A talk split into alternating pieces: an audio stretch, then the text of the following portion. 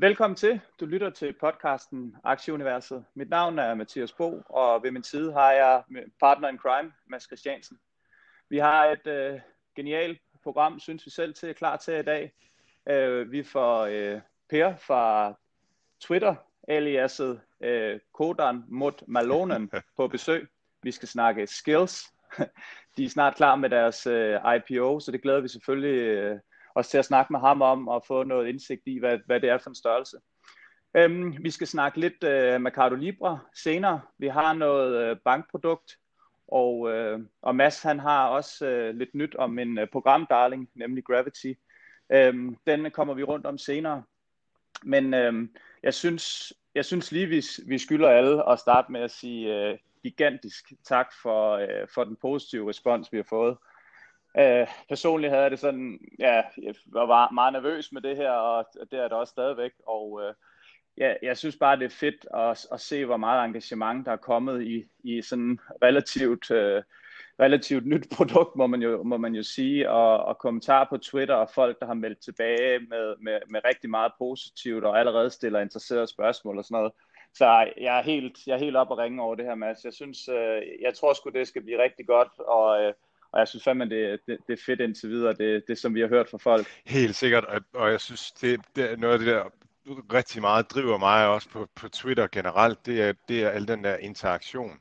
Øhm, at det hele det bliver ligesom en hjerne, når man samarbejder, ikke? At, at så er der nogen, der kommer med noget, og, og nogen forbedrer det, og, og så, så, så bliver tingene bare bedre og bedre, og sådan alle, alle de spørgsmål, fordi der har været rigtig mange spørgsmål og gode idéer, og også forslag og sådan noget, så, så ting, som vi lytter til, men, men det, det giver mig det, at, at jeg får tænkt over en masse ting, og, og, og det så at skulle sige det, det er rigtig spændende. Så jeg håber sådan, det bliver sådan en, en, en, øh, en virkelig interaktiv ting, vores øh, podcast her, hvor, hvor, hvor jeg, der lytter med, ind, altså kom endelig med, med idéer og tanker og gode forslag og, og, og sådan nogle ting.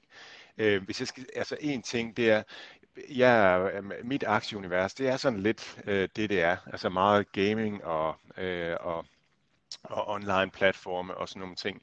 Så hvis I pitcher noget, der er alt for langt fra det, så er det, altså, øh, så er det ikke sikkert, at jeg lige får svaret på det, øh, eller taget det med. Men inden I fyrer løs. Nej, nej, præcis. Men det, men det er jo også det, som vi snakkede om, øh, og som du siger her, vi, vi, vi vil jo rigtig gerne omkring vores, øh, vores Twitter-konto, øh, Aktieuniverset, samle de her ting, så det kan både være med lidt mere dybdegående, for det er jo alligevel begrænset, hvad vi kan nå at komme ind på i de her emner. Så hvis der er, der er nogen, der sidder derude og siger, hov, nu når I snakker ETF'er, så har jeg faktisk et rigtig relevant link, som måske lige kan forklare lidt nærmere, eller komme med forslag til ting, eller et eller andet. Og så, øh, så går man bare ind på, på vores øh, Twitter-konto, Aktieuniverset, og så siger man, råber man lige, hey folket, hvis I synes det her det er fedt, så bruger jeg i hvert fald det her.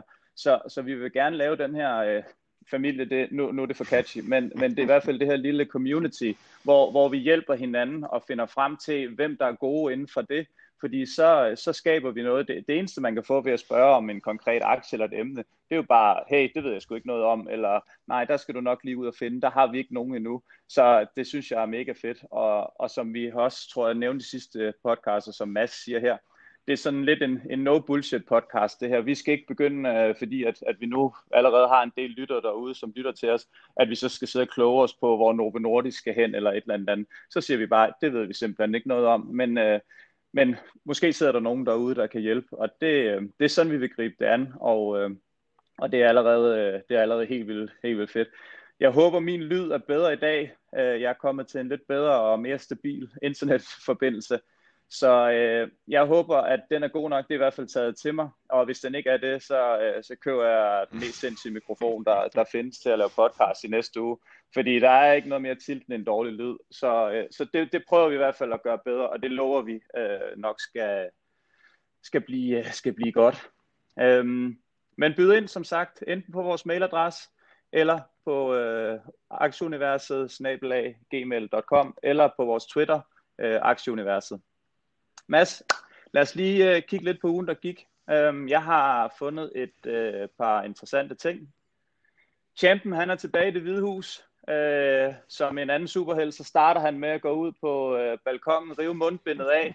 Øh, Trump-fans er ekstase. Han er udødelig. Resten af verden øh, grammer sig. Øhm, han starter med at øh, nok ikke helt at få blod til hjernen og, og takker nej til yderligere stimuli fra, øh, fra Fed. Markedet det falder lidt i midtugen. Fredag får han nok visk i øret, eller også kommer han på, på bedre tanker og, øh, og afslører, at det skulle nok en meget god idé, at øh, aktiemarkederne går op. Øhm, det er lidt ligesom øh, det, han PT hænger på, at han kan lave et rally ind mod, mod valget her det sidste. Så der har han fundet ud af nu, at en stimuli af det fra Fed, det plejer normalt til at hjælpe. Så det, det siger han pænt ja tak til. Og vi så så et rebound her øh, øh, fredag i aktierne, og, øh, og vi, vi slutter, øh, vi slutter en, en rigtig god uge af. Øh, hvis man holder sig opdateret på, på valget, så gør man det, at man går ind på en af de ledende bookmaker. Pinnacle er den bedste bookmaker, så ser man ud, hvad, hvad, hvad oddset er. PT er der øh, 63% sandsynlighed for knæfald til, øh, til den øh, legendariske leder 3. november. Øhm, men øh, nej, selvfølgelig øh, kæmpe god bedring til Donald herfra. Øhm, personligt håber jeg, at du får et helt vildt godt valg.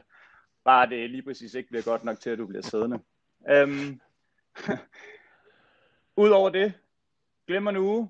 S&P op cirka 3%, DAX oppe, dansk indeks oppe. Det kører, det kører. Champagne. Øhm, jeg havde lige en lille nyhed, det kan være, at du ved noget om det. Jeg så, at øhm, GameStop, som er den her videospils skråstreg, øh, hvad hedder sådan noget, controller-udgave af, øh, af en blockbuster, de har en masse butikker, som de er ved at lukke ned, fordi at alle spil jo efterhånden er op, øh, online.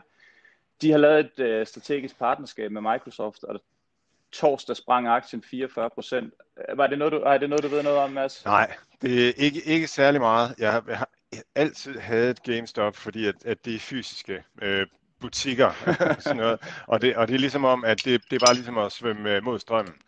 Øh, og alligevel så der er så nogle, der er nogle store investorer, som, som har øh, købt ind på, øh, på GameStop øh, af nogle omgange. Øhm, jeg har hørt, at ham der er, der er en, en, øh, en virksomhed, der hedder Chewy, sådan en, en online øh, dyrefoders øhm, øh, butik i USA, at, at han har købt stort ind. Øh, han har tre store chunks, øh, som han har købt ind i, og der, der har GameStop altså været en af dem. Så, på, så når han gør det, så på en eller anden måde, så har han jo en idé om, at, at det kan blive til noget. Men det, det er ikke en, en aktie, jeg kan forstå øh, potentiale i. Jeg kan ikke forstå, hvordan de penge, de har investeret i fysiske butikker, de kan komme til at give et rigtig godt return på, på, på investering. Så derfor så, så er det altså bare noget, jeg holder mig fra. Når jeg ikke forstår det, så tænker jeg, så er det, så er det bedre bare at, at finde noget andet. Der er masser af gode muligheder derude. Men, men det, var, det var voldsomt.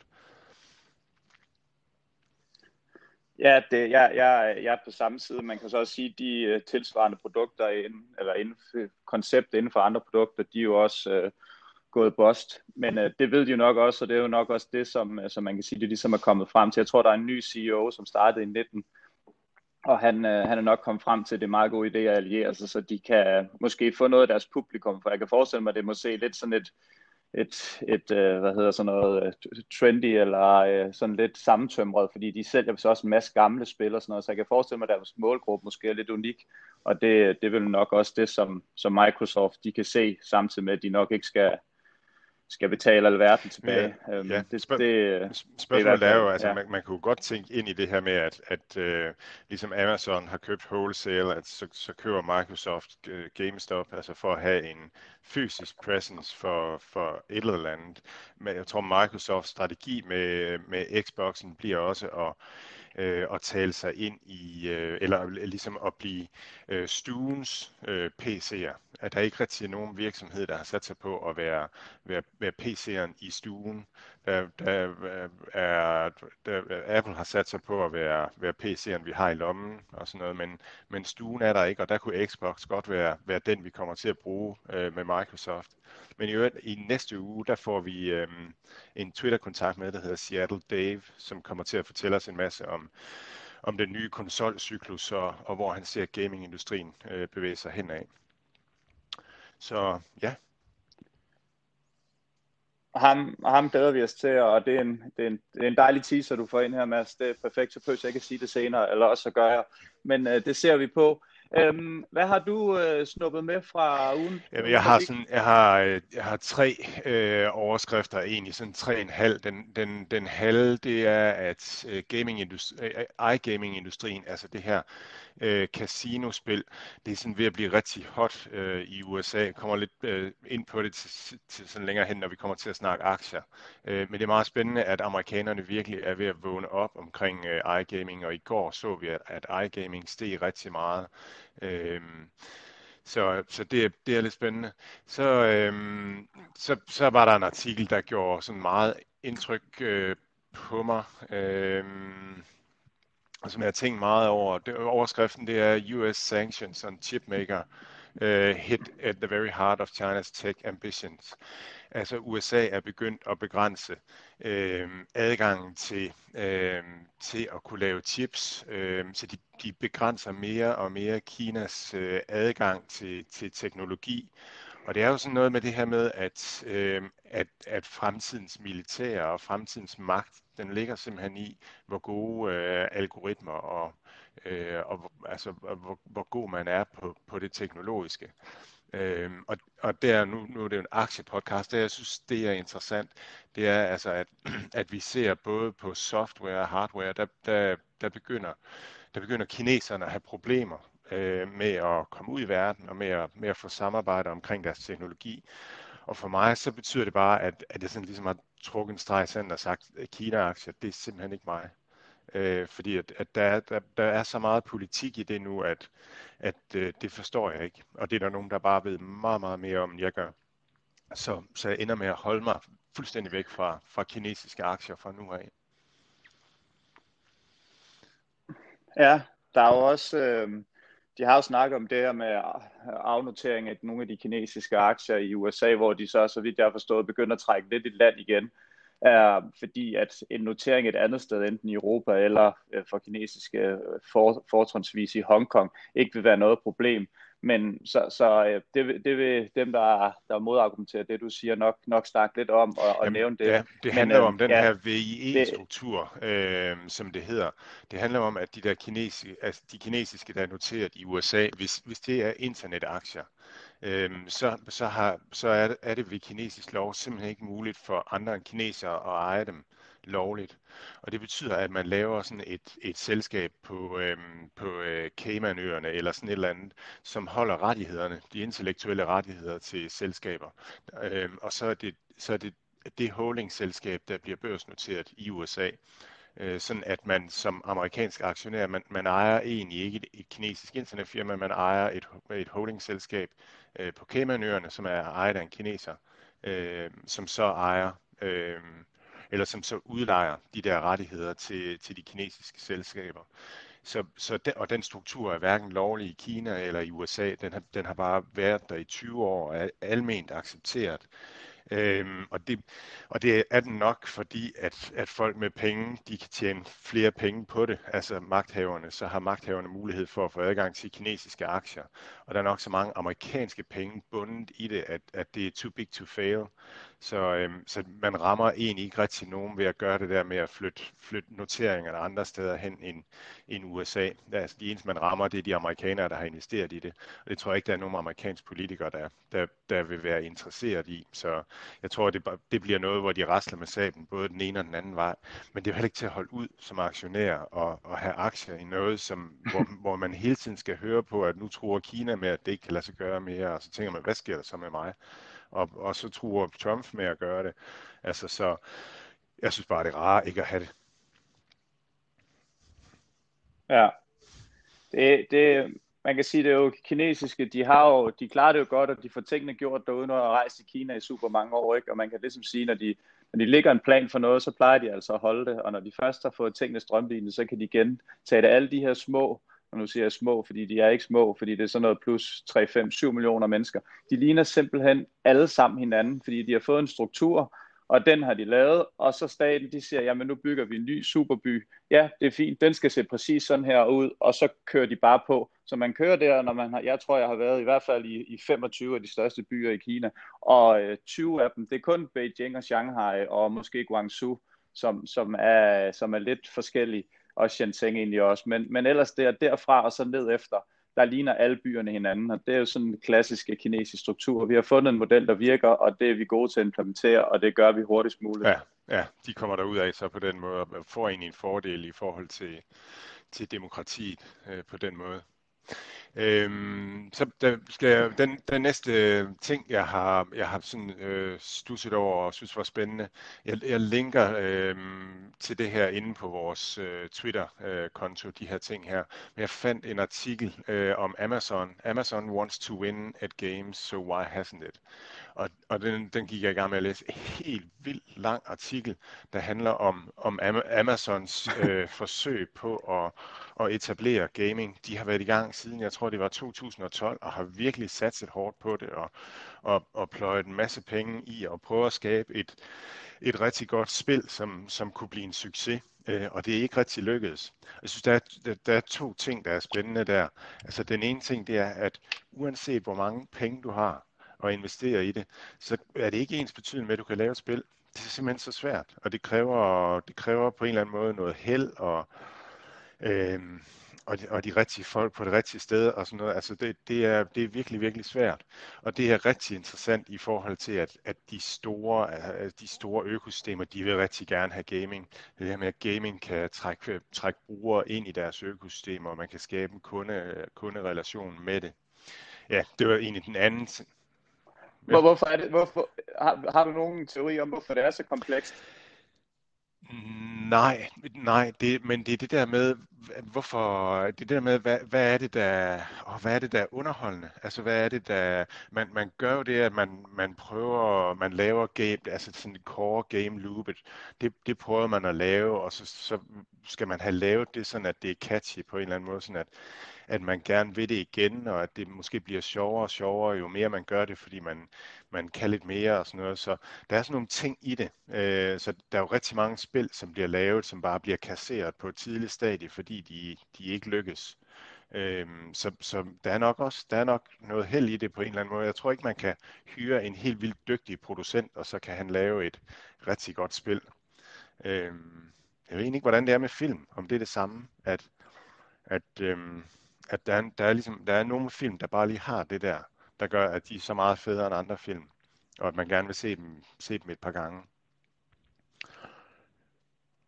Ja, eller også måske bedre sammenligninger med musik. Det er jo også mere komplekst. Nogle gange, mm. så, øh, så kan man jo sidde og tænke, hvordan kan det være så svært at lave et hit, eller hvordan kan det være så nemt at lave et eller andet hit, som bare, det, det eneste man skal gøre, det er at lave det her tre minutters hit, og så er man egentlig, øh, så er man egentlig penge nok til resten af livet det er sådan, det er sådan lidt, det lyder, det lyder overraskende simpelt på en eller anden måde, men, men omvendt så er det så komplekst alligevel, så det er jo, ja, det er jo ind i, hvad, hvad folk tænker psykologi, og rammer man den rigtige målgruppe, eller kan man lave et eller andet trendigt, eller, eller et eller andet, tænk, tænker jeg måske. Nu er jeg så heller ikke den store, store gaming-nørd, så, øh, så det er sådan meget for, for egen regning, jeg udtaler mig om det. Øh, det har aldrig rigtig fanget min interesse. Nej, nej, nej, nej. Jamen ja, det er, men det er, det er super interessant, og det, og det er derfor, at jeg, jeg tror, at, at de store gaming-selskaber, de, de kunne godt ende med at, at blive købt op, en del af dem, af, af for eksempel Amazon. Det kan være, at man nu efter otte år ligesom siger, okay, det, det kan vi simpelthen ikke det her, så ender med at købe et, en af de store øh, gaming-virksomheder. Øh, man kunne også godt se Disney øh, købe en, en stor øh, gaming-virksomhed, for eksempel Electronic Arts, som, som jo allerede er i gang med med, øh, med, med Star Wars-franchisen, og, og Electronic Arts har, øh, har en, en del sådan sports øh, spil, som kunne passe sammen med øh, Disney's ESPN-netværk. Så der er sådan nogle, der er sådan nogle matches derude, som, som godt kunne give mening, og, og det kan være en del af, af ideen med at købe gaming-aktier øh, på sigt. Så den sidste nyhed, det var, øhm, det var, det var faktisk noget omkring, øhm, dans, øh, noget omkring øh, nogle danske investeringsprodukter, men det tager vi lige og, og gemmer til efter pausen, eller efter vi har, har hørt interviewet med Per. Ja, det, det kommer vi ind på senere. Øh, jamen det er super, Mads. Jeg tror faktisk også, at vi har øh, Per med igennem her.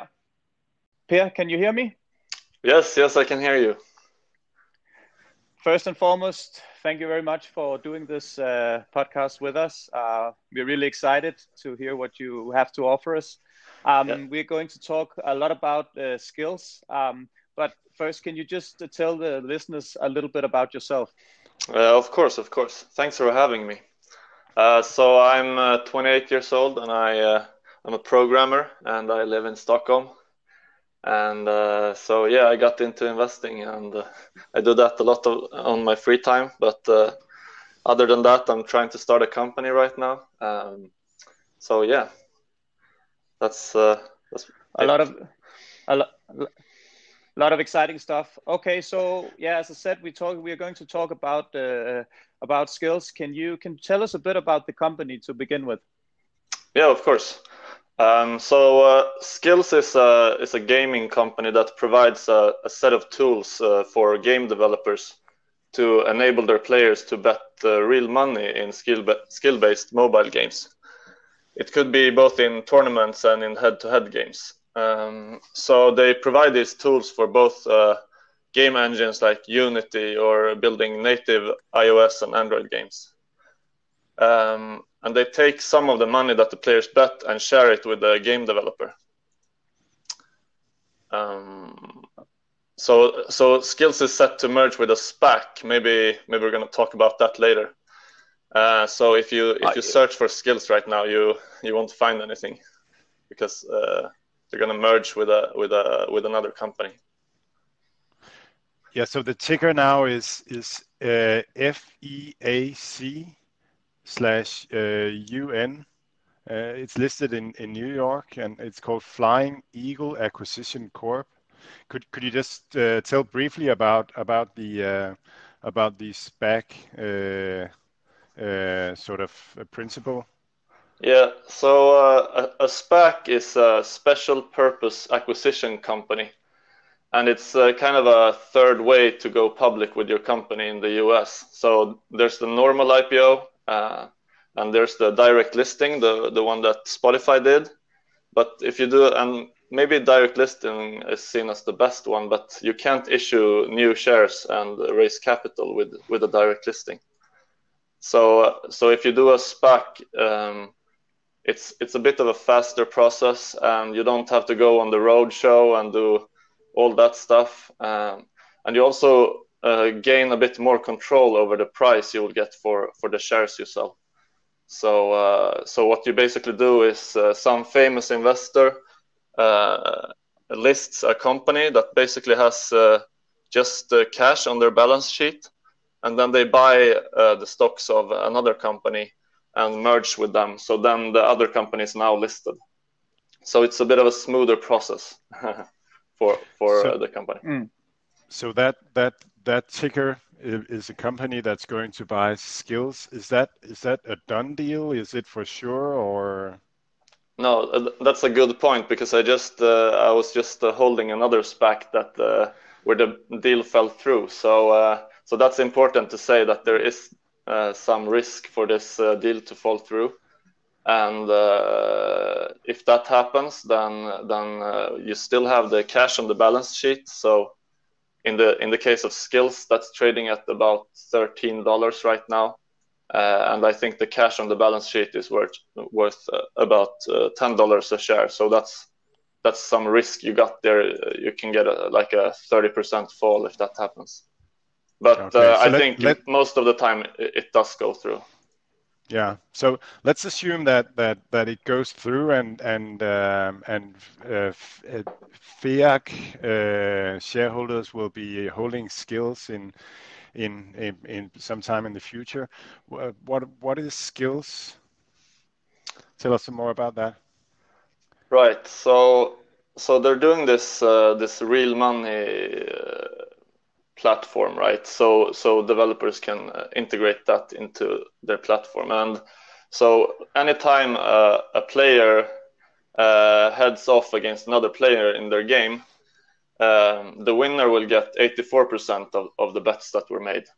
But uh, the rest of the, the money will go to skills and the developer. So so 8% to the to skills and six oh, and 8% to the developer.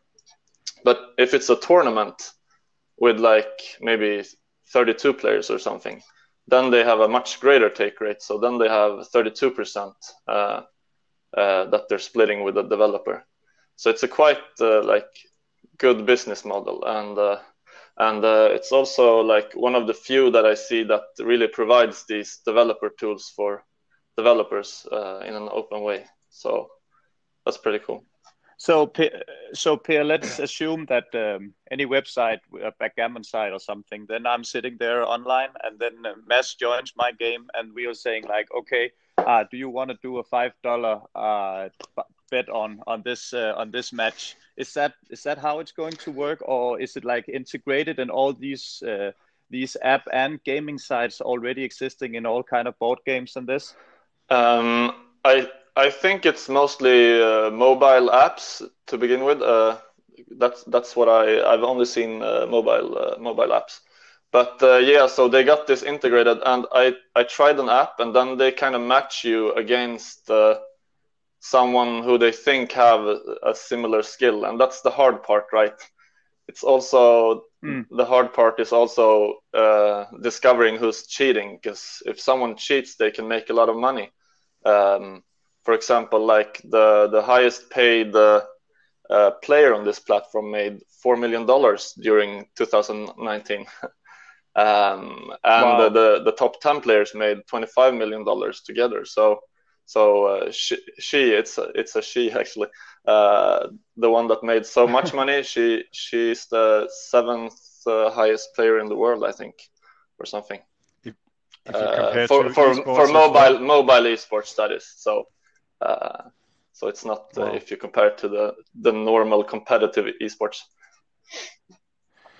So yeah, so it's kind of like like poker, the existing poker sites that that you uh, that you can play a tournament for money or or anything. Yeah. So is that is that correct? Yeah, exactly, and and uh, it, it it seems a lot like poker since you play against other players for money, but somehow I think they kind of uh, got out of the being a casino kind of uh, thing with regulation. So so how they how they're not a casino is that they they patented a, uh, an algorithm for deciding if a game is based on skill rather than chance. So so this means that their competition could be seen as a, any other sports competition with a prize, like a hockey tournament or something that has got a real real money prize. So so this makes uh, yeah. Yeah, so I was just I was just thinking about because this is always a sore topic, uh, gambling and all these things.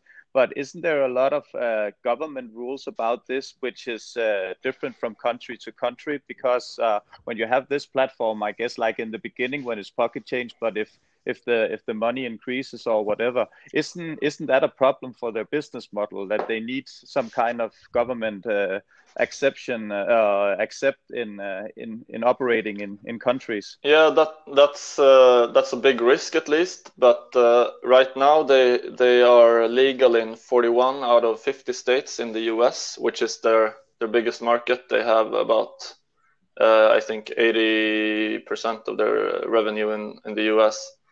Uh, and then in the rest of the world, they're legal in 80% of, of that. So I, I don't know how they wow. discovered that uh, number of 80%, but right now it's uh, it's uh, it's a big uh, market to take, and uh, and I guess that could change. But what we see in the world, it's going the other way, right? With with online gambling in the U.S.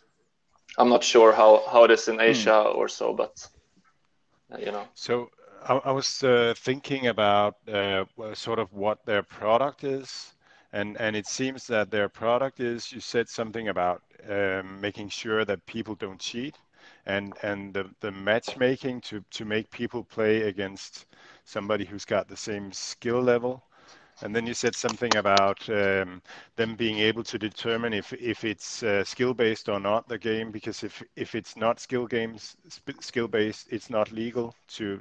Is that correct? Yeah, exactly. So so like I said before, they have they have gotten some some patent on deciding if if a game is uh, skill based or not. So I guess they they follow that algorithm when they kind of review a game and if it's if it's skill based enough they will let that game on the platform and uh, just uh, have the money rolling in And since I mean they have all this support for the developers, right? But basically they don't have to do much to get another game developer. The only thing they have to do is like make sure the game is skill based, and then the money will keep rolling in. So it's it's it's a really good uh, uh, business model, I think. So, so what is it that that makes skills? What what makes it a company? That what makes it? Uh, so they got these three sort of products. Is is there anything else in it that that makes it that that that does that anybody else could not do the same, or that it's hard to to do what they do? Because I think it's a no-brainer that that the product is something everybody will want. Um, there are a lot of people that want that think it's more funny to to play if you bet a little. Yeah, yeah. So, um, some I have been thinking about this as well. Why is no one else doing it? And maybe, like we talked about before, Unity could be the perfect player to do this, uh, since they already have all their uh, mobile game developers in their uh, ecosystem. But I'm I'm guessing it's maybe because it's uh, a, bit morally questionable to do this. so uh, maybe you remember. Mm back in uh, back in 2016 when when Steam cracked down on the on the CS:GO casino sites. I think there's some they're a bit afraid of uh, of the media and the press uh, when doing something like this. And also, Skillz provides developer tools on the Unity platform. So if Unity would start doing this, it's kind of like screwing them over, uh, screwing a player over in their own ecosystem and I think other developers would look kind of wouldn't like that. But of course, I mean, there there could be other big players doing this, but I think maybe it's it's a bit harder to do than most think. Uh, but there's uh, there's definitely competitors, I think. Could you say two more words about, or is have we been around everything? Why it's harder than than we think? I think, I mean, if you just like try to think of uh, detecting cheaters, I mean, you could build a, a machine that kind of gives input on the phone that that uh, uh, that seems very natural in how it gives input. So you have to analyze the input, I think, uh, and see is this machine-like or is it human-like? And machines are getting better and better at trying to seem human-like. So so that's always a, a, race to like discover these uh, these cheaters, I think. Uh, and then the, if if you go into their website and sign up as a developer, I mean, uh, producing a good set of developer tools is also not that easy. It's it's a big uh, uh, undertaking. Of course, Unity could spend a few years and do that, but I think it's it might be harder than than people think. And you have to kind of always adapt to the different changes in the platform. So uh, that's of course something. And if you look at there's one other big competitor that does this in india. Um, so i think skills is, is bigger but uh, but there's something called mobile premier league in india. And uh, i looked i tried to find their developer tools but they're not showing it. So i think i'm thinking they're kind of doing it more um, like uh, hands-on. They're going to the developers and say maybe, um, can we develop this game together with you and we will integrate our stuff. And now I'm just guessing, but that's since they don't advertise their developer tools. I'm thinking they might not be as advanced. Mm, good points. How about mm. Um, mm. how about so so there is we've been around regulation and the the games producers. Um, I think you made a case that it's hard for them to to do what skills are are doing. Um, what about uh, their relationship with iOS and um, and Google Play Store? And do you see any potential problems there or? Right. So yeah, we haven't mentioned that at all. So uh, iOS, it's uh, it's uh, okay right now to have skills enabled uh, apps on iOS. So that I think that's also kind of why uh, it's so big uh, in the US. Except it's also a U- US company. But uh, so on Google Play, it's not allowed. So so we have uh, much less players on Android because you have to get, download these games in in alternative app stores like Flexion. Maybe you can talk about whether you think it's it could be like a a, good uh, synergy between these two companies. But uh, yeah, so it well, it's it's it's really an interesting point because it, it could drive traffic to alternative uh, platforms. It's alternative platforms are Samsung and Huawei. They have their own yeah. platforms. Uh, also, Amazon is trying to to uh, gain access to that market.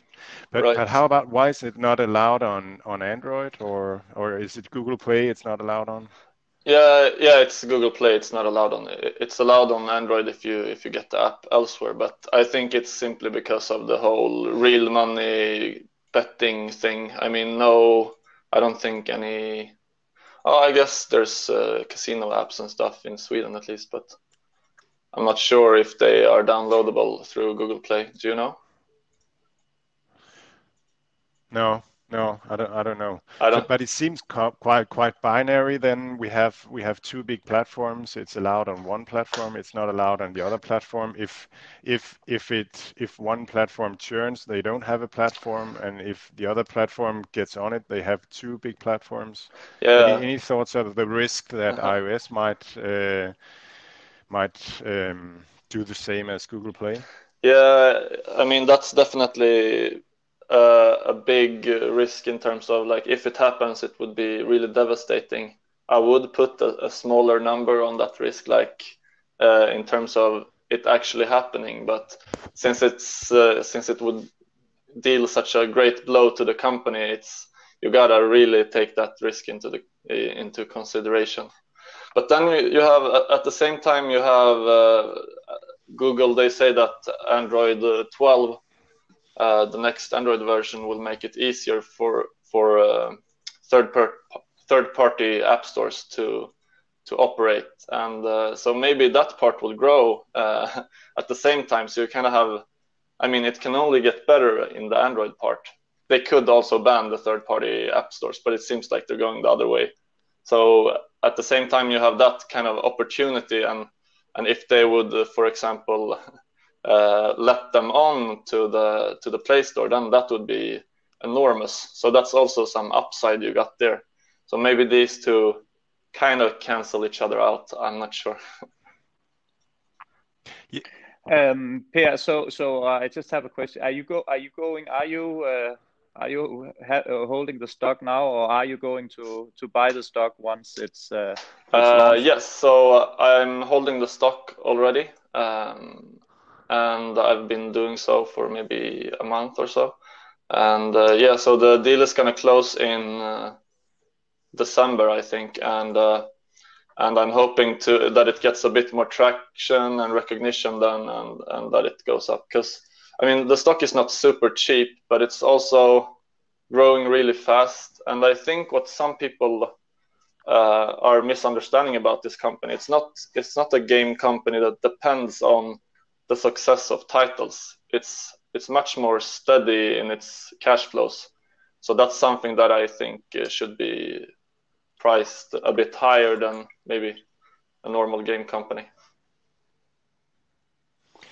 Do you have any idea sort of the uh, valuation right now if if you were to uh, to put a price sales and a price earnings on it or an EV EBITDA or something yeah. Do you have any of those numbers? The one I have in front of me is uh, they got a price sales on today's uh, uh, price about 19, 20 or something like that.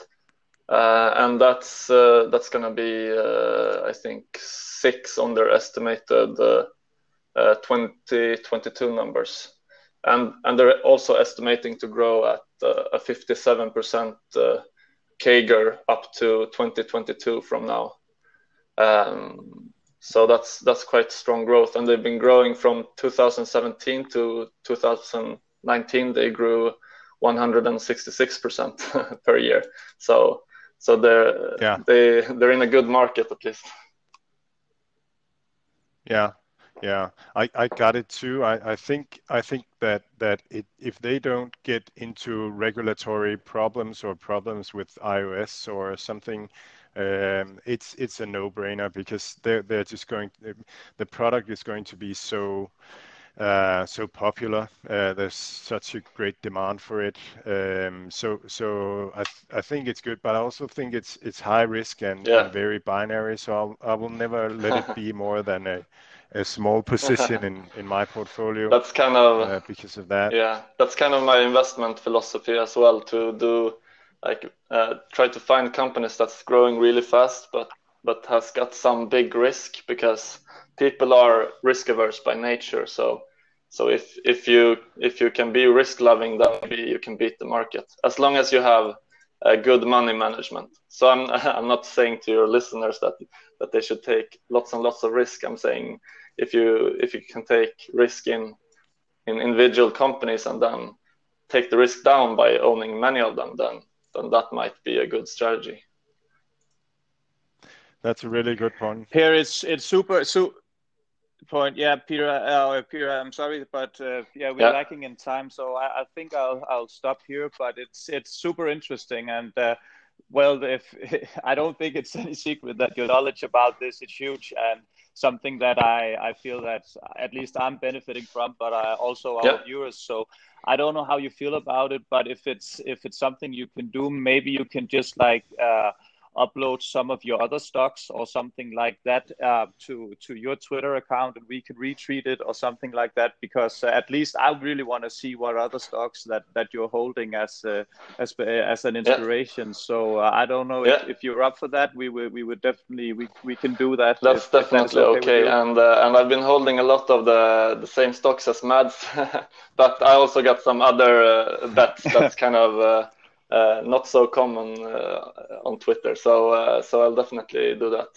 Uh, and uh, yeah, the last thing, yeah. So you can also go in and find my skills uh, thread on Twitter, and there you will have a lot of the information and the and uh, some some good links if you want to read more about it.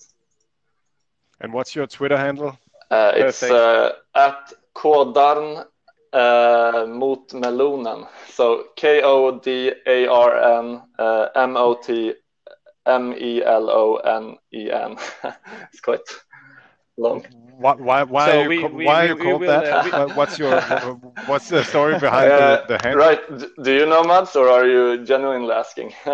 no, but uh, Yeah, I'm I'm asking. Yeah, so so there was a time on finance Twitter where uh, everyone was named uh, uh, something mot melonen, like I'm trying to reach a million, uh, and uh, a lot of uh, uh, a lot of people. So maybe it was like uh, the cleaner towards a million, uh, or or the carpenter towards a million.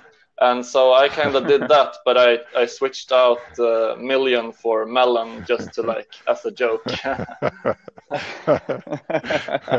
That's cool. yeah. That's nice. Okay, thank you so much, Pierre. It was uh, yeah, it was a pleasure speaking to you, and we will uh, we will link to your uh, Twitter account on our account, so so people can uh, can follow you, uh, fo- find uh, your link and and follow That you sounds there. great. Uh, thanks a Thank lot you, guys. For, for this talk about skills. And Yeah, all thank thank you. you so much. Too. Thank you. Good luck. Bye.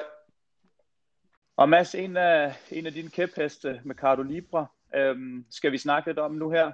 Og øh, ja, men øh, take it away. Kan du ikke lige øh, Jo, komme altså i gang med årsagen den? til, at vi besluttede os for at snakke om Mercado Libre her, det, det var egentlig en, en, en artikel, som øh, kom ud, og, og det er bare en, en overskrift, men, men at overskriften var, at nu går Mercado Libre ind i, øh, pension, øh, ind i forsikring. Og, øh, og, og det, det er bare rigtig spændende i virkeligheden, fordi det der sker, det er, at man, at man har den her platform, den her digitale platform, hvor der i forvejen er nogle internetbutikker, øh, der er nogle brugere, der er forskellige brugergrupper, altså der er nogle købere, som, som vil købe noget, og der er nogle sælgere, som vil sælge noget. Og det er så tøj og sko og, øh, og så videre. Der er også nogle, en, nogle brugergrupper, som har med logistik at gøre. Der er nogen, der lever, leverer logistik. Det er meget Mercado Libre selv, men i princippet kunne det også være andre brugergrupper. Så, så det Mercado Libre bliver, det er egentlig sådan en, et, et, et lille land eller et, et lille kongedømme eller sådan noget, hvor, hvor Mercado Libres øh, ledelse er, er, er, er øh, lovgivende og udøvende og dømmende magt, og, og sørge for, at alting fungerer. Og hvis der mangler noget i, i det her land, for at det fungerer rigtig godt, og for at brugerne kan få alting, hvad de skal have, jamen så, så inviterer man nye brugergrupper ind. Og det gjorde man så nu her med, med, øh, med forsikringer, sådan at man også kan købe forsikringer. Og det, der er så fantastisk ved en digital platform, det er jo, at den kan samle data på, på, på alt det her. Så når Mercado Libre øh, udbyder forsikringer, eller, eller faciliterer udbyde forsikringer, jamen så ved man faktisk en masse omkring øh, brugerne. Man ved, hvor, altså man ved, hvilke biler de kører i, man ved, hvor de bor, og man ved sådan, øh, Måske har de også butikkerne på, på den her platform. Så alt det her data gør, at man kan optimere også forsikringsforretningen rigtig godt. Der er en hel masse GDPR og alt sådan noget i det her, altså regulering og sådan nogle ting. Så selvfølgelig kan man ikke som platform bare misbruge alle den her data. Men, men jo mere man ved om, om forbrugerne, jo mere kan man altså tilbyde øh, nogle, hvad skal man sige, nogle retfærdige produkter. Det er jo det forsikring er. Det handler jo, det er jo egentlig en, en en, en pulje, at vi hjælper med at dække hinanden ind, men, men for at den er rigtig god, så skal den jo modsvare sådan, den teoretiske sådan gennemsnitlige risiko, øh, hver enkelt bruger øh, er i forhold til, til fællesskabet. Øh, hvilke, Mads, hvilke, kan du lige sige, kan du ikke lige hurtigt nævne for prins Knud, hvilke, altså det er helt klassiske forsikringer, det er biler, det er husforsikringer, det er alle de her ting, jeg, eller jeg, hvordan er det? det virkelig ikke, øh, men, men, øh, men nej, det er, og det gør jeg ikke, men, og det er simpelthen, det bliver for, for mig bliver det for specifikt i forhold til, til, øhm, altså til, at jeg kan bruge det til noget. Så når jeg ser sådan en, en nyhed der, så er det egentlig bare overskriften okay, nu, nu, nu udbyder øh, ja. Mercado Libre øh, forsikringer, og så tænker jeg, at det gør de i det gør de i det omfang, det er relevant og, og rigtigt og sådan noget, men jeg konstaterer, at, at de har åbnet en, en ny vertikal på deres øh, platform. Nu tilbyder de også det her det er, også helt, det er også helt perfekt, fordi så kan vores lytter få lektier for at gå hjem selv og, og, gå, i, og gå i detaljer med, hvad det er. Vi, skal heller ikke have det Nej, helt men, serveret. Men, men jeg synes også, der, jeg har sådan en prik med, at, at det, som man, det, man gør, det skal, det skal, at det er værdi. Så hvis, hvis for eksempel, øh, øh, og det her synes jeg er rigtig godt, at det, det er værdi på overskriftniveau, det fortæller mig, at Mercado Libre udvider paletten. Men, men hvis man graver længere ned i det, og så begynder at sige, hvad betyder det så for omsætningen på fem års sigt og sådan noget, det har jeg jo ingen chance for. Og, og har de, har de kæledyrsforsikringer med? Ja, nej, hvad betyder det? Og sådan noget. Ej, altså, så, så jeg tror virkelig, man skal, for at kunne følge med i al den info, så, så, så samtidig så er det godt bare med overskrift. Og hvis der er nogen, der ikke er på Twitter, så, så er det her virkelig sådan en rigtig god grund til at være det, fordi når man hvis man så ser en overskrift, og så man, man følger en eller anden, så vil man ofte også se hans konklusion på artiklen. Så man får måske både overskrift, og så en eller anden fyr, der har læst artiklen, og lige hans øh, two cents om, om den artikel. Og det giver simpelthen så meget øh, info allerede bare der. Og så er det kun de artikler, man synes er allermest interessante, man, man behøver at, at kigge igennem for at, at, at, at fylde på det samlede billede. En anden ting omkring de her... Ja, helt sikkert. Så kun, vi kan jo kun opfordre folk til at komme ind på, på Twitter-universet der. Øhm, det er, det er, jeg synes også nu, jeg er sådan, jeg har altid bare igennem min, min aktive karriere brugt det sådan lidt til lige at sende billeder af, nu er jeg derhen og derhen, eller nu slår jeg til en badmintonbold der. Men, men nu har jeg faktisk sådan bruger bare primært min Twitter til at søge information, for der er, der er virkelig mange, og, man, og det kommer sådan, som du siger, det kommer i punktform. Du får de 180 tegn omkring det her, så det er ikke sådan noget med, at der kommer nogle, nogle øh, dræbende lange analyser om alt muligt fra banker og sådan noget. Det kan man altid klikke videre på det link, men man holder sig lige opdateret, så man får ufattelig meget viden om mange ting, men selvfølgelig ikke dybtegående. Øhm, og, og det gør bare sådan ens viden og horisont, den udvikler sig så super meget. Det er i hvert fald det, der er sket for mig. Øhm, ja. Og så er det også mega interessant at prøve at, at gå ind og, og hvem skal man følge? Hvem er, hvem er lidt en bullshitter her? Hvem, hvem kan man se prøve at købe et eller andet uh, latterligt, fordi at han kom til at investere i det selv, og så vil prøve at pumpe øh, den her øh, penny, penny stock op fra for, for selv at kunne komme ud eller et eller andet. Så man lærer ligesom også at, at skille skidt og kanal derinde, um, og det, det er en super øvelse, hvis man vil være som man dygtiggør sig inden for, for det her univers. Ja, der, der er tit nogen, der spørger mig, hvem, hvem skal man følge for at følge med i det og det, og, og, og, og hvordan gør man det? Altså det, jeg gør, det er, at, at, øh, at når, jeg, når jeg ser en, der laver et tweet, som jeg tænker, det er godt nok interessant, øh, så, så følger jeg vedkommende. Og så, øh, og så når jeg når op på et eller andet antal, jeg følger, så begynder jeg bare at synes, at mit, mit, mit øh, feed der, det er så langt at komme igennem. Og så, så begynder jeg at fjerne dem, hvor jeg synes, de, de okay, der er en, der tweeter om sin kat her. Det, det, det gider jeg så ikke. Øh, og så, så, ryger, så ryger han ud og sådan noget. Men, men på den måde, så får man sådan lige, øh, altså hele tiden tage nogen ind, der virker interessant, og så hele tiden, øh, hele tiden luge ud i det. Så efterhånden, så får man virkelig sådan et, et feed, der bare rammer det, man, man gerne vil have. Og, og, øhm, og jeg, kan ikke pege, jeg kan ikke pege 10 ud, som jeg synes, man skal følge i, i, mit, i mit feed. Jeg tror, jeg har 180 eller sådan noget, jeg følger. Og det, altså hvis man, hvis man synes, aktier er spændende og, og sådan noget, så prøv at følge dem alle sammen. Og så når, folk, når, de, når de skriver om noget, som, som man synes, det gider man ikke, så bare ud med dem. Så, så går der ikke lang tid, før man, man har lige det, man gerne vil have.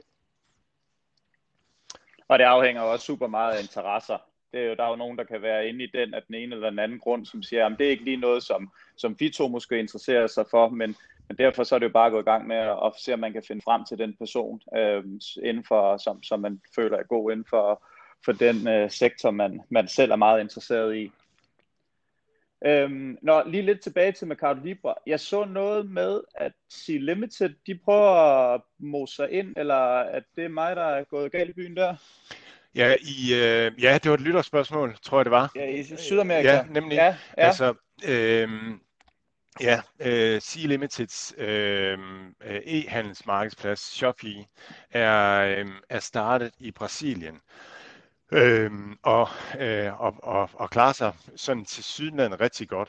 De siger, de vil ikke så meget, de vil bare sælge nogle kinesiske varer og så videre den, der, den forretningsmodel, Shopee har, er blevet stærk på, det er jo at, at lave, altså lave de her internetbutikker, øh, tilbyde at lave internetbutikker for folk, der gerne vil sælge noget, og, og så skaber de sådan en rigtig underholdende platform. De har det her koncept, de kalder shoppertainment, hvor at, så, så er det rigtig underholdende at komme ind og, og ligesom at hænge ud i shoppingmallen i gamle dage. Der er spil, og der er, man får mere rabat, hvis, hvis vennerne de ryster telefonen hurtigt øh, i et minut. Og, altså alle sådan nogle ting, der gør, der gør shopping socialt og underholdende og sådan noget.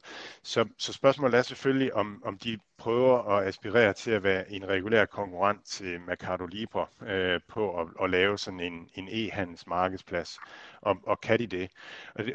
Øh, grunden til, at de vælger Latinamerika øh, at starte i, det er dels, at Free Fire, deres store øh, mobilspil har været rigtig, rigtig stærkt i Latinamerika, så de ved noget om Latinamerika, de ved, hvornår der er helligdage, og hvornår der de, de kender de her lokale øh, ting, der sker derovre, og så har de en kunderelation til rigtig mange unge mennesker, der spiller det her spil Free Fire. Jeg tror, jeg tror, jeg tror at Shopee er anderledes end Mercado Libre på den måde, at Shopee er for de unge. Hvis man, hvis man er, er vokset op med en mobiltelefon og går på nettet med en mobiltelefon, så vil man finde Shopee rigtig sådan intuitivt og velfungerende. Det minder om Instagram. Øh, der er bare meget mere også spil og underholdning på det. Mens hvis man er vokset op med en PC'er, så vil, så vil Mercado Libre nok sådan være mere, øh, mere intuitivt. Så jeg tror, Shopee har, øh, har en, en adgang øh, til Generation Z til de unge i Latinamerika. Og det har været, det har været, det vil være en fuldstændig samme strategi, som man har brugt over for Lazada i Sydøstasien. Så jeg tror, at Shopee kommer til at, øh, at overraske mange ved, at de rent faktisk godt kan, kan blive en meningsfuld, meningsfuld øh, konkurrent til Mercado Libre. Men Mercado Libre har, har, har så mange vertikaler. Altså de har, de har logistiknetværk, og de minder meget om Amazon i, i USA. Så, så man, kan, man, kan aldrig, man kan aldrig konkurrere med Mercado Libre lige på og prøve at gøre det samme med logistik og fokusere på logistiknetværk og, og digital øh, øh, betalinger og sådan noget. Det er de for stærke til. Men Shopee de kommer altså sådan en anden vej via de unge, via et anderledes produkt. Om, så kan jeg lige så godt melde ud, at jeg holder med, jeg holder med, med Shopee, for jeg, jeg ejer ikke Mercado Libre-aktien, så, øh, så jeg håber kæmpe meget, at de kommer indenom, og det er, det er min hest. Den hæpper jeg på i, i Brasilien og omegn. Ja, jeg, jeg, ja, jeg tror Mercado Libre, at, at det er sådan en af mine grundpositioner. Øh, jeg, jeg tror det der med, at de har, de har simpelthen sat sig på, øh, på digitale øh, betalinger i, Syd, i Latinamerika, og de har sat sig på logistiknetværket, fuldstændig ligesom Amazon har i, øh, i USA. Så det bliver rigtig svære at, altså, hvad skal man sige, at tage markedet fra det kommer ikke til at ske. De er, de er ret sikre. Amazon har jo prøvet at komme ind i Latinamerika uden rigtig at have succes med det. Så øh, det, det er i hvert fald okay. Så jeg, så jeg, kan ligesom, jeg kan ligesom forstå på dig, at det var ligesom lidt et hint om, at jeg godt kunne kigge øh, og måske tage lidt med Cardo Libre ind i, øh, i min portefølje, som, som har et lille hul der. Det, det, behøver du ikke, det behøver du ikke at svare på, med, mindre du har lyst til det.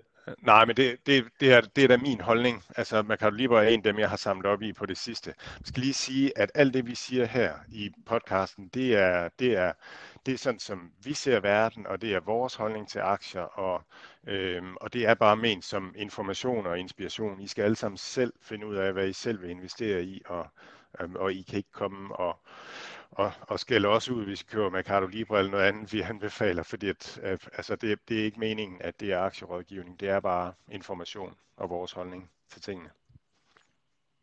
Enig. Yes. Cool. Du snakkede om noget, øh, noget artikel fra, fra noget Danske Bank. Vil du, øh, vil du derover? Ja, ja, jeg skal lige. Og det er igen simpelthen bare overskrift, som jeg kommer til at, som, som bare tænder mig helt vildt. Overskriften var fra børsen. Der står udsigt til firedoble minusafkast på obligationer for Danske Bank til at lukke for nysalg af lavrisikoinvesteringer. Og, og jeg bliver, ja, ja, det tænder, det tænder mig sindssygt, det der. Altså, fordi det lyder som om, at, at jeg har ikke kunne læse resten af artiklen, fordi den er, der skal man abonnere på børsen. Men det, det lyder som om, at, at man har været ude at sælge nogle produkter som lavrisiko investeringer. Og, og det kan da godt være, at, at det er lav risiko, men, men, men risiko og afkast, det afspejler altid hinanden. Der er altså ikke nogen magi, at, at Danske Bank kan pakke et eller andet sammen på en anden måde og tage, tage fire forskellige ingredienser, og så er de lige pludselig øh, det samme værd som, som fem ingredienser. Det, det findes ikke. Det, der i virkeligheden findes, efter min mening, det er, at, at hvis man tager obligationer, eller man tager valuta, eller man tager aktier, uanset hvilket produkt man tager, så er der en, en given risiko ved det, og, et, og en given potentiel afkast. Vi ved det ikke. Det er det, vi alle sammen gætter på, hvor der, hvor der mest risiko, og hvor der mest afkast og sådan noget, og hvad, hvad er der gode ting. Men jeg tror ikke på, at en bank er god til at finde de ting, der er meget bedre, fordi de skal op i skala, og de konkurrerer med de andre banker. Så jeg tror på, at bankprodukter de rammer øh, markedsafkastet i gennemsnit, på, i gennemsnit på sigt. Når banker de så pakker det ind i en eller anden, et eller andet komplekst produkt, så betyder det altså, at man som kunde ender med at betale for, for ham, der skal sidde og designe det her komplekse produkt, og sidde og på en eller anden måde at pakke det sammen. Og så betaler man også som kunde for de udgifter, der er til, at der skal trykkes materiale om de her nye lavrisikoinvesteringer, som, som, øh, som der bliver lavet. Fordi at, at, at afkastet er jo det samme. Det, altså det går simpelthen bare fra, fra ens egen afkast. Så, så, så min kæphest her, det er, at jo større kompleksitet, øh, jo mindre afkast er der simpelthen. Jo, jo mere bøvlet det er at sætte sammen, jo mindre afkast er der, fordi vi betaler dem, der, der sidder og, og, og gør det. Så man skal, ja, og igen, det er bare min holdning, man skal simpelthen holde sig fra alt det der, og så skal man bare købe aktier, fordi det er det, der giver det højeste afkast på lang sigt. Og så skal man være langsigtet og holde det. Øh, og så skal man holde sig fra de der bankprodukter, fordi de er simpelthen, de er bare alt for dyre. Bankerne lever jo af at lave dem til os, og, og hvis ikke at de, de kan, kan lave noget, som har et højere afkast, jamen så, så giver det bare kun et dårligere afkast. Og jeg nyttede lejligheden til netop lige øh, i forlængelse heraf at prøve at lave en lille sammenligning. Øhm, også en lille apropos i forhold til, hvad vi snakkede om i sidste hvad hedder det nu, øh, afsnit omkring mine ETF'er. Og nu har jeg øh, gået, gennemgået en, en prisliste fra en større dansk bank. Vi gider ikke lægge os ud med nogen banker præcis, selvom at øh, jeg nu ikke vil være bange for en, en duel i, øh, i Mumbai's gader. Der vil nok gå cirka to minutter, så vil de blive kørt ned af en, øh, en tuk-tuk. Men lad det nu ligge. Øhm, de har sådan typisk, bankerne har typisk fire eller fem produkter. Øhm, som er meget risikoafhængige. Det, det går fra 80% obligationer, 20% aktier, 60% obligationer, 40% aktier, 40% obligationer, 60 osv. Og den, der hedder vækstorienteret, øh, det er 40% obligationer og 60% øh, aktier. Det koster en øh, i årlige omkostninger, inden handel som koster alt det her, bare i fee til banken for, at man køber ind i den her pulje, 1,66%. Og det er jo fint nok, men så kan jeg fortælle jer her, skal I fem minutter, hvad den præcis indeholder af papirer, fordi det kan jeg også se, eller jeg kan se langt de største positioner.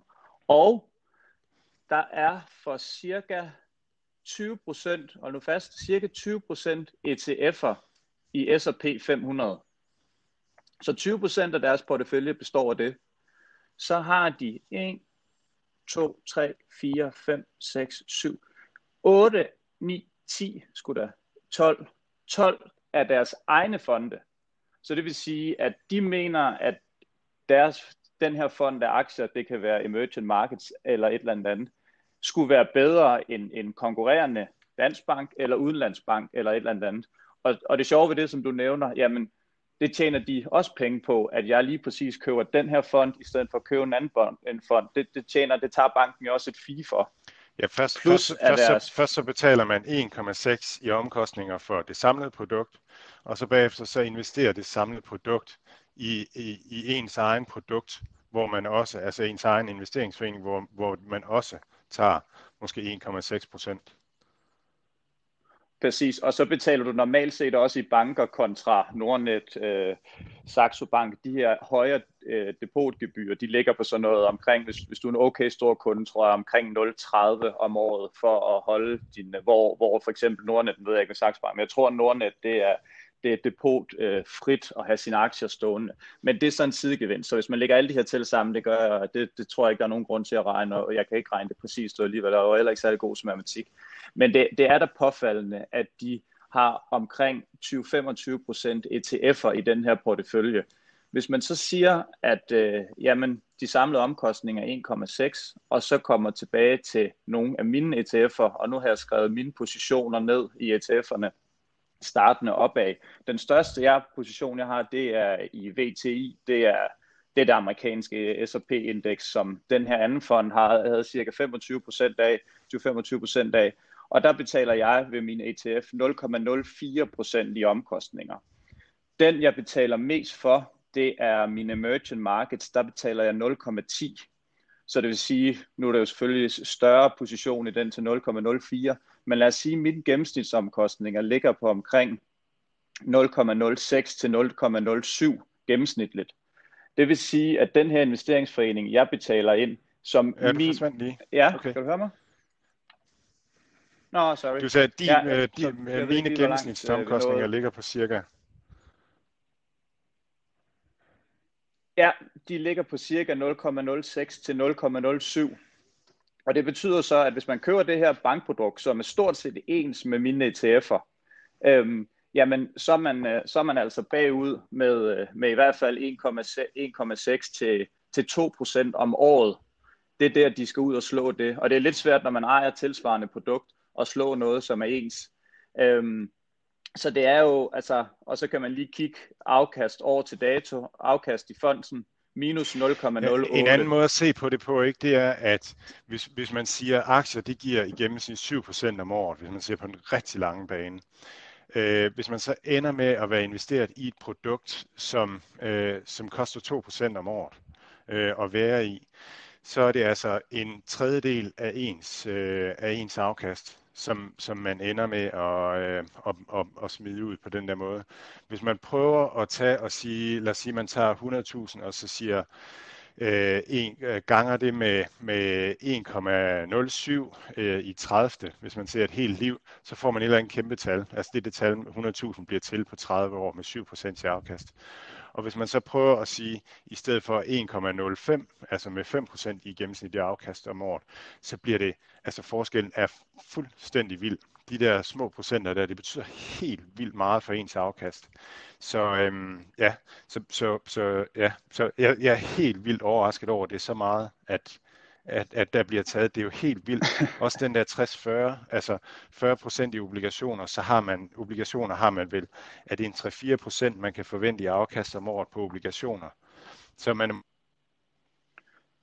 Ja, så nu har jeg ikke lige, deres, deres obligationer er jeg ikke lige gået ind i, men jeg ved, at min største position, jo... for jeg har også en obligation, øh, jeg har faktisk to med position. Ja, ja. Det, kan du høre mig, Mads? Ja, ja den, jeg siger, den uh, øh, BND, som, uh, som er min største obligation, som er virksomhedsobligationer, der, uh, hvad hedder det nu, den, den har cirka 3% udbytte om året, og så, uh, så, så ligger den sådan nogenlunde uh, på, på 0. Så der kan man cirka regne med, med 3% om året i, i afkast på ja. den. Ja, så det er derfor som privat, man skal simpelthen bare købe nogle aktier selv, eller købe nogle ETF'er, og, og, så, øhm, og så bare lade det ligge. Det, det er klart det bedste på lang sigt. Ja, ja jeg, kunne ikke, jeg kunne ikke være mere enig. Jeg sidder egentlig faktisk også sådan på, på vegne af folk, og egentlig også mig selv, fordi jeg har også selv været investeret i de her bankprodukter. Nu, nu holdt jeg så heldigvis, nu havde jeg tiden til at holde øje med, hvordan, hvordan det gik, om det gik op og ned og alt muligt. Og jeg sidder egentlig faktisk nu her og, og, og tænker, jamen, jeg vil nærmest ikke sige øh, bundfangeri, det gør jeg alligevel, men at man skal betale øh, 2%, lige under 2% for noget, som, som, øh, som er stort set det samme, som man stort set kan få gratis, det er, Ja, det, det synes jeg faktisk ikke er okay. Men øh, omvendt folk skal, skal have en løn for det, de laver. Jeg synes, jeg synes det er overkanten, det her. Fordi de eneste, der bliver tykke og fede, så er der det, et andet sted, det, det er virkelig også en kæphest for mig. Men det er de her tvungne pensioner, vi har. Altså arbejdsgiver betalte pensioner og sådan noget, hvor, hvor man betaler pengene ind i sådan en, en pensionskasse. Og så sidder der en masse ansat derinde, som som gør det samme. De, de sidder og køber obligationer fra de andre pensionskasser og sidder og køber aktier og sælger aktier til de andre pensionskasser. Og så betaler vi ud af vores pension deres løn øh, for det der. Når matematisk set klart det, det bedste, det var bare, at, at de købte noget og så bare beholdt det på lang sigt. Så det kan virkelig også hisse mig op, men, og det kan man jo ikke gøre noget ved. Så det er i virkeligheden, altså det er jo en af de bedste brancher at være i, øh, det der med at, at forvalte penge, fordi at, at, at man har, altså man er, man er, man er, altså man, man er sikret øh, kunder via, via den måde, vores, vores lovgivning er skruet sammen. Nå, men det er sådan en kæphest omkring det her med, med arbejdsgiverbetalte pensioner. Det, som jeg gør øh, med det, det er, at jeg, jeg og, og, øh, og, og min hustru, vi betaler så lidt som muligt i arbejdsgiverbetalte pensioner, og så i stedet for sørger vi for at få sat ind på ratepension øh, og på øh, og på millionær, nej ikke millionærkonto, men, men øh, nej, øh, aktiesparekonto. fordi, ja, det. fordi så, øh, altså, så, kan vi, så kan vi gøre det her med bare at købe nogle forskellige langsigtede positioner, hvor vi ikke skal betale gebyrer øh, til alle folk, som skal, skal administrere de der penge, men, men bare lade, lade virksomhederne øh, vokse. Så, øh, så ja, det er min måde at gøre det på. Mads, lad os, øh, lad, os, lad, lad, os, lad os tage et videre, et spadestik uh, videre her.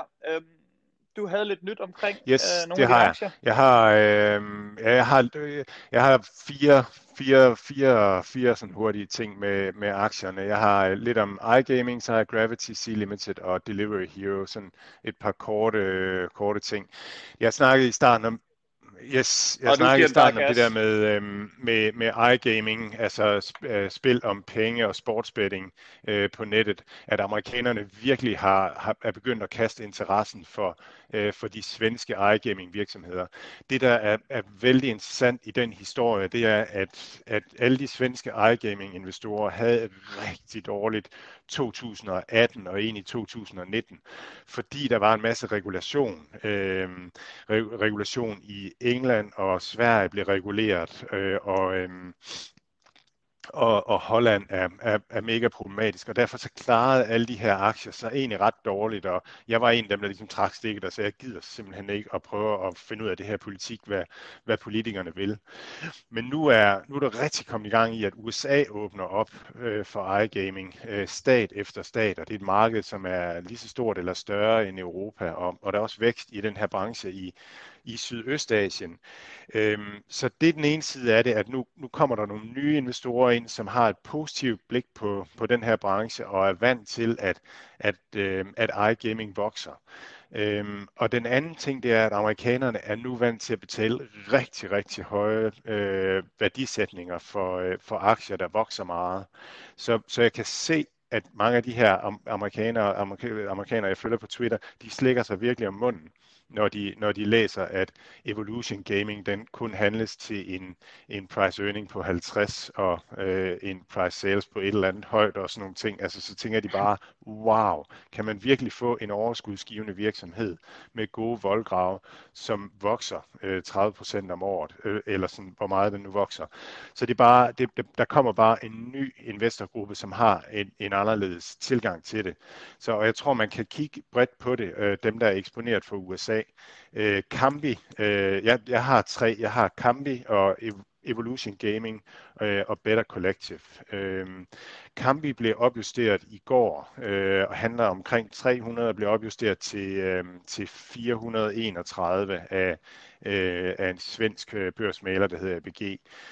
Øh, Kindred Group øh, kom med en, øh, med en omvendt vinst warning i går, at, at det gik bedre end forventet, og, og steg også rigtig godt.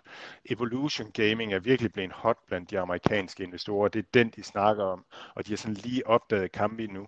Så der sker noget i, i det der felt, som er, er værd at holde øje med, øh, synes jeg. Uh, en, en, man kan følge, det er Alex Hark. Uh, øh, hans Twitter-handle, det er uh, at uh, BAD øh, PAK. Øh, han er rigtig god at, at, at følge, også generelt en, en, ung, en ung fremadstormende fyr, der, der kan en masse øh, forskelligt. Øhm, så, så, så talte vi om Gravity sidste gang, og, og jeg talte om det her med, at den var svag på, øh, på chartsene. Øh, Gravity har tiggeren øh, GRVY øh, og er, er listet i New York. Øhm, og, og den, den var svag på, øh, på, på, på, på øh, grossing-listerne, altså de lister, der kommer ud fra for eksempel Sensor Tower og App Annie og uh, AirNow Data, hvor at, at man kunne se, at den ikke omsat for særlig meget tabt uh, terræn på chartsene. Og det har så vist sig, at det er fordi, man, man er i gang med at migrere kunder over på, uh, på en koreansk uh, alternativ uh, øh, Øh, app-platform, øh, ligesom vi talte om med Per med de her alternative platforme. Der er, der er en anden i Sydkorea, så, så i virkeligheden så går det ret godt med spillet. Og nu nærmer vi os Next Generation, så Gravity er, har fået et, et gevaldigt comeback, efter den var nede og vende i 104, så tror jeg den er oppe i 130 eller sådan et eller andet nu. Øhm, ja, så casen er, er i hvert fald sådan fra hvor jeg ser ikke broken. Og nu venter vi så på Next Games, øh, eller nej, Next Generation spil, det, det andet store spil, det udkommer her 14. Øh, oktober, altså om fire dage, så det bliver rigtig, rigtig spændende, og masser af nervøsitet sikkert op, op imod det. Så har jeg Sea Limited, øh, som er, er kommet i, i all-time high, og, og der er sådan folk, der begynder at spørge, er det så nu, at vi skal tage gevinst hjem? Og jeg, jeg, vil, bare, jeg vil bare sige det igen. Altså, jeg skrev det på Twitter, hvorfor i alverden vil man sælge en aktie, som vokser 70 procent om året? Eller altså, den kommer til at vokse mellem 50 og 100 procent det næste år. Og, og, og, øh, og, så om et år, altså der er den vokset 50 til 100 procent, og, og det, det er kursen formentlig også der. Så der er simpelthen ingen grund til andet end bare at, at hænge på, og selvfølgelig det er ikke aktierådgivning, det her man skal lave sine egne beslutninger osv., det er bare, hvordan jeg tænker det her. Og så den sidste, øh, ja, du bliver det gør hængende. jeg i den grad. Øh, den sidste, jeg har med, det er Delivery Hero. Øhm, og, og, og grunden til, at jeg har den med, det er, at, at i går bliver, bliver tagget i et tweet fra en araber, øh, der, der spurgte netop ham, øh, Badpack Alex Hark, omkring, øh, omkring Delivery Hero, om Alex havde kigget på den, øh, og Alex taggede mig. Men, men det jeg vil sige med det, det er, at der begynder virkelig sådan at være interesse omkring Delivery Hero. Man kan se, det summer lige så stille.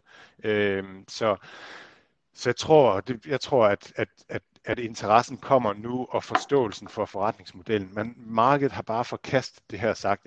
Altså, man kan da ikke tjene penge på at køre ud med ting. Altså, det kan man ikke. Prøv at se, hvordan det går med postvæsenet og sådan noget. Men det er ikke det, det handler om.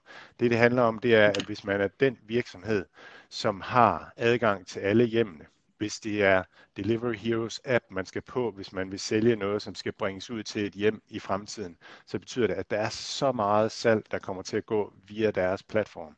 Så deres logistik bliver en platform. Og i det øjeblik, markedet forstår det, så, øh, så sker der en ændring i, i prissætningen, er i hvert fald min sådan, teori omkring det. Spændende er det i hvert fald. Hvad hedder det? Øhm, jamen, øh, vi, vi skal lige huske at sige, kan du ikke lige de her ting, som du har snakket om her, der lover du lige at smide øh, tiggerkoderne op, og ham mesteren der på, øh, på Twitter, som, som ved meget om det. Kan du ikke lige smide hans alias op derinde på vores, øh, vores Twitter, så folk lige i god ro, hvis de nu hører det i bilen eller noget andet, lige kan sætte sig hjem og få noteret ned og kigge lidt nærmere på det. Så det jeg laver et tweet øh, fra, fra vores øh, øh, øh, Twitter Aktieuniverset, som indeholder navn øh, eller handles på dem, vi har talt om, og så de tiggerkoder omkring de aktier, vi har været inde på. Det gør jeg hver gang fra nu af. Det er helt, helt magnifikt. Mads, jeg tror sgu, det var, øh, det var hvad vores vi, anden podcast. noget i dag. Um, som ja. altid, ja. Vores anden podcast. Og igen så øh, skinnede vores, øh, vores øh, gigantiske nørderi og øh, evne til ikke at kunne sjov, og sjov ned. Øh, nej, jeg, jeg synes, ja. det er super spændende. Jeg, jeg, jeg er overhovedet ikke sur, jeg er meget glad. Det, det er jo bare nogle gange så lidt, men altså så må folk knække den over i, i to bidder, hvis det er. Det, det er, det, det er jeg, jeg føler også, det er bedre at gå i dyb med tingene, i stedet for at man lige lapper hen over noget. Det får man ikke rigtig... Øh, altså når man har nogen med igennem, som, øh, som ved rigtig meget om tingene, som, øh, som Per gjorde med, med, med skills, så er det bare at fyre løs, og øh, ja, knække den over i to, hvis, det er, hvis, hvis I synes, det er for lang tid. Øhm, hvad hedder det? Øh, ja, øh, skyd os en e-mail, hvis der er noget. Øh, aktieuniverset snabelag gmail. Følg med på vores Twitter, aktieuniverset. Øhm, og øh, ja, næste uge, så, øh, så tager vi en slowfox med, øh, med aktiemarkederne igen. Øh, som Mads øh, teasede for i starten, så får vi Seattle Dave øh, på besøg, og han øh, ved en masse om gaming og tilbehør. Og øh, der fik jeg sagt tilbehør, der lød jeg som en gammel mand, hvilket jeg også er, fordi det vil en uh, ung, ung gamer nok ikke kalde det. Det er en kæmpe branche med, øh, med konsoller og alt muligt andet, som jeg ikke forstår mig på, men uh, det forstår jeg mig forhåbentlig lidt bedre på, når, uh, når vi har haft uh, Dave med igennem. Og uh, ja, tak fordi I har lyttet med, og uh, Hej. pas på jer selv.